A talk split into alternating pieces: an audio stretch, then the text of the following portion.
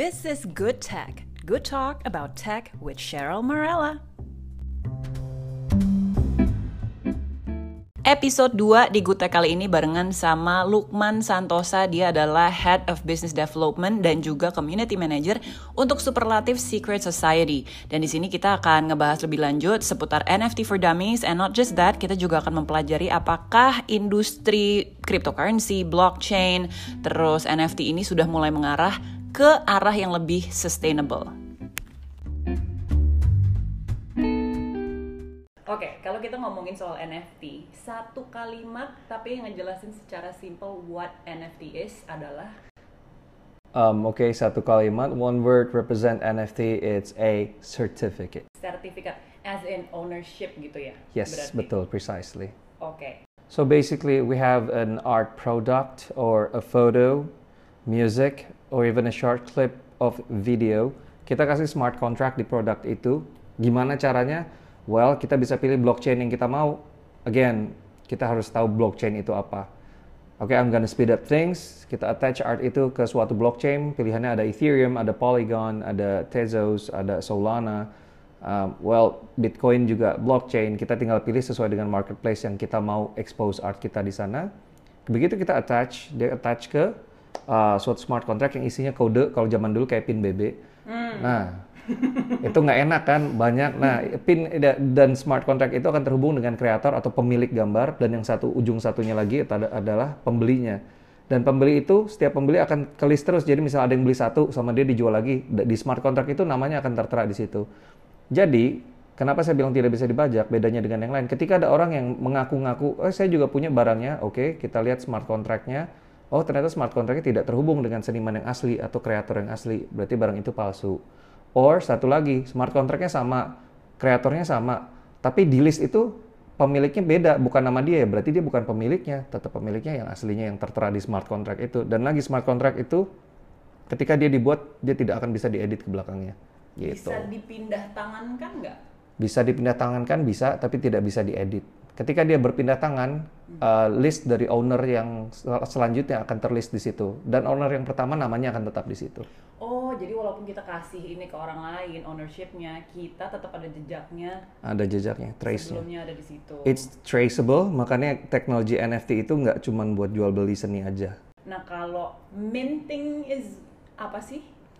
Minting itu short termnya and easier termnya itu sama kayak uploading. It could be art, music, photos, videos, like I said. I mean, anything as long as it's there the file is there. I mean, it could it could be JPEG, it could be um, MP3, MP4, PNG file, GIF, it name it. Anything. Yeah. So speaking of that, yang bikin penasaran adalah tadi sempat ngobrol-ngobrol juga gitu ya sama orang yang bilang katanya, yeah, at the end of the day, everything can be NFT'd, right? Yes. So it could be like a house. It's actually the certificate, not the whole house, but the certificate of the house could be an NFT. or with terms and condition, mm-hmm. the whole house could be an NFT as that term of condition. Say, uh, actually dia jual foto rumahnya, tapi dengan jual foto rumahnya kamu dapat rumah yang aslinya, kurang oh, lebih kayak gitu. Oke, okay. so that's the how. Iya, yeah, obviously because harga foto rumahnya sama sama kayak harga aslinya. Jadi yang dimasukin ke uh, marketplace-nya adalah si foto Betul. rumahnya itu. Ah, Betul. Oke oke oke oke. Well, of course abis itu orang yang ngejual foto rumah tersebut karena mau ngasih rumah dia harus deal with all the um, paperworks biar sertifikatnya legal. Memang itu rumah yang dikasih dan diperjualbelikan. That could be complicated ya sebenarnya kalau if it's like Yes and no. Jadi. Here's the thing. Kamu jual foto rumahnya, itu rumahnya rumah baru atau rumah second sama aja pokoknya kamu jual rumah. Ada yang beli foto rumahnya dengan seharga say berapa M. Berarti kan dia harus deal with orang yang beli itu ya. Tinggal minta aja udah beli mahal oke okay, I need your data. Ntar kita urus paperworknya. Tapi yang jual juga harus tahu kalau misalnya yang beli bule gimana ngurusnya. Jadi nggak bisa sembarangan right. jual gitu. yeah, yeah, yeah, or yeah, yeah. foreigners on this on this matter. Yes yes. Nah kalau perdebatan apa sih yang paling sering muncul waktu orang-orang ngebahas tentang NFT some say it's monkey business some say it's Fonzie scammy fishy, things like that. Well, kalau belum terjun emang nggak tahu. Dan lagi orang takut hilang duitnya. Exactly. Dan kita bisa bilang sekarang, hey kamu mau bikin NFT nggak harus keluar duit kok. Kita punya Polygon Chain di sana free. kamu ketika kamu list di OpenSea, and OpenSea itu adalah salah satu marketplace yang terkenal di NFT space. Um, NFT ini, sorry, OpenSea ini punya dua pilihan blockchain untuk smart contract-nya. Satu uh, Ethereum, yang satu lagi Polygon. Dan uniknya ketika kalian jual pakai Polygon ini, selain dia gratis, ketika it hard itu dijual, tetap yang diterima akan Ethereum gitu. Oh, oke. Balik lagi Ethereum sama Polygon ini nama ini ya, bo- blockchain atau crypto Hmm. gitu. Kalau whether or not it's urgent to jump into NFT today, what do you have to say? There's no word as too late to jump in into an NFT, so it's never too late to It's jump ne- in. It's never too late, but is it urgent to do it now? Now. Sure, why not? Yeah, it's urgent. Mesti ngingetin ke orang-orang nggak sih kalau uang dingin yang harus dipakai gitu misalnya? Well, again, uh, like I said, as an investment side of view, apalagi itu uang dingin bukan uang panas, Mm-mm. uh, why not? As long as you do your own market research. Everything that I said right now, it's not a financial advice. Do your own research. But yes, it's urgent and you need to, at least you know about NFT, so to speak. Right. Ini ada beberapa titipan pertanyaan juga nih dari orang-orang yang tahu ya. Katanya kalau untuk pemula mau mulai NFT marketplace, enakan yang mana? Dan ada nggak yang nggak pakai atau less modal? I think the gas fee ya maksudnya probably. Yang murah, quote on quote murah nggak pakai modal, malah itu pakai Polygon Chain. Itu ada di OpenSea.io. Ketika teman-teman bikin collectible baru atau NFT baru di situ, mau nge-mint, di sana nggak pakai gas fee karena semuanya udah di cover sama Polygon Chain dan ketika art itu laku terjual itu sudah include di situ jadi nggak usah khawatir lagi. Tapi kalau seingin punya karir di dunia NFT, itu banyak teman-teman yang mulai dari Hikitnan atau dari OBJKT atau object.com, uh, easier termnya. Kita jualan di sana, pakai kriptonya namanya Tezos or XTZ. Mulai merintis karir, kasih tahu, I'm an artist, this is my art. If you like it, I'm selling it for this much, and I will be um, drawing more art in a couple of days.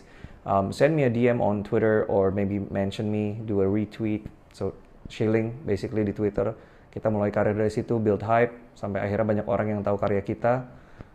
Lalu habis itu dengan profit yang mereka punya dari objek or Hikitnan baru pindah ke OpenSea. Dari OpenSea mulai famous, famous banget marah. Mau pindah ke Nifty Gateway bisa, pindah ke Rarible bisa, mau pindah ke Foundation bisa, kurang lebih kayak gitu. Oh, jadi sebenarnya tuh ada ini ininya, ada step-stepnya juga Step-stepnya ya. bisa. nggak- If you want to. Or you can always like jump jump straight in. We all, we already have example for people who like dare to do that, jumped into um, OpenSea without shilling, without anything. Kita tahu yang ada animonya Mas Gozali sekarang. Shout out to Mas Gozali luar biasa sekali karyanya. Yes. And um, good luck, of course. Sebenarnya sih not always karena memang ada yang dipresentasikan itu gratis. Padahal sebenarnya dia juga bayar ketika art itu sudah terjual. Jadi proses pembayarannya itu dilakuin di belakang. Begitu. I tanpa user yang upload ini harus ngurusin. Jadi begitu dia pasang harga ya udah itu udah including nooks and cranny yang dia punya lah di dapurnya blockchain itu sendiri. Right. Nah, karena kalau nggak kayak gitu ya buat apa kan? It's just another blockchain. Kenapa harus have a hassle pakai dia? And again kalau mau yang bayar pun banyak gitu. Karena yang normalnya memang harus bayar. Kenapa bayar? Ya karena memang usernya udah banyak transaksinya udah banyak. Of course gas fee it's environmentally hazard kan bukan hazard sih karena memang polusi uh, lingkungan kan Yes. kita bisa ada research juga di situ kurang lebih kayak gitu I, I also read about that tentang uh, apa permasalahan lingkungan ini. Is there like a solution to that? Maksudnya untuk yang lebih sustainable untuk ini? Well, of course, um, dengan perkembangannya teknologi saat ini kan NFT itu dengan blockchain yang ada itu persis banget kayak internet dulu masih pakai Telkomsel, net Oh, instan, Telkom masih pakai telepon, pakai kabel telepon, right? Iya, iya. Uh, dial up modem ada dengan bunyi-bunyinya itu. Itu masih kita masih di situ. Who knows ke depan tinggal a click of a button and everything is said and done. Kurang lebih kayak gitu. Jadi basically tungguin perkembangan zaman pasti Betul. akan ada solusinya. Pasti akan ada solusinya. Contohnya misalnya nih sekarang untuk teman-teman yang tahu Ethereum nanti ada Ethereum 2.0. Ah. Dan the rest will follow kayak gitu. Right, so emang bergeraknya akan ke sustainability juga. Betul, This is because betul. it is a new thing, makanya kayak kita baru pada ngeh kalau eh ternyata kita menggunakan energi banyak gini gini gini tapi Betul. Itu apalagi buat teman-teman blockchain developer, buat orang-orang awam juga yang pengen tahu. Blockchain itu apa sih? ya itu bisa dicari tahu di YouTube banyak source-nya dan nggak ada yang misleading juga. Karena memang yang namanya uh, blockchain itu kan decentralized instead of decentralized itu ada topik juga. Centralized sama decentralized jadi dengan crypto money atau cryptocurrency ini decentralized itu setiap ada uang yang atau crypto yang dihasilkan lewat mining, kita banyak crypto miner sekarang, itu yang mengakui proses tersebut itu ada ratusan juta, if not millions, miliaran komputer di seluruh dunia yang mengakui keberadaan kode tersebut yang di-own sama suatu orang, padahal yang create code-nya itu cuma satu komputer. Jadi komputer yang lain kan running pakai electricity and that's where the gas fee came from. And hopefully, ya, pasti sih gitu pasti there's gonna be a solution to this Yes. at some point. Thank you for the apa namanya NFT for dummies today. for sure, for sure. Thank you so much Lukman. Dan jangan lupa untuk datang ke galerinya Superlatif. Ini ada di Legian ya. Yes. Legian. Please. Silahkan datang ke sini. And eh iya, people can also buy your NFT, right? Yeah, of course. And uh, ada pre-sale price and all that stuff. Um, Superlative Secret Society NFTs all sold out on September. Woo! But again, you guys can always uh, purchase our product with our secondary sales and whatnot. Ya, jadi Oh, orang-orang masih ngejual dan di situ hebatnya dunia NFT ya, teman-teman seniman semuanya dapat royalty endless cycle selama art itu being traded Yes. seperti itu. Last but not least, the why Bali?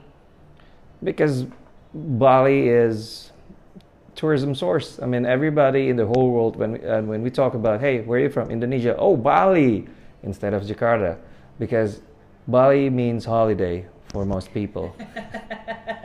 That's true. I know I do. and yes, for me to know, I live here though, but yes. All right, sure. Thank you so much for the first episode. You're very Um, welcome. We'll be back here for sure. Thank you guys. You're very welcome.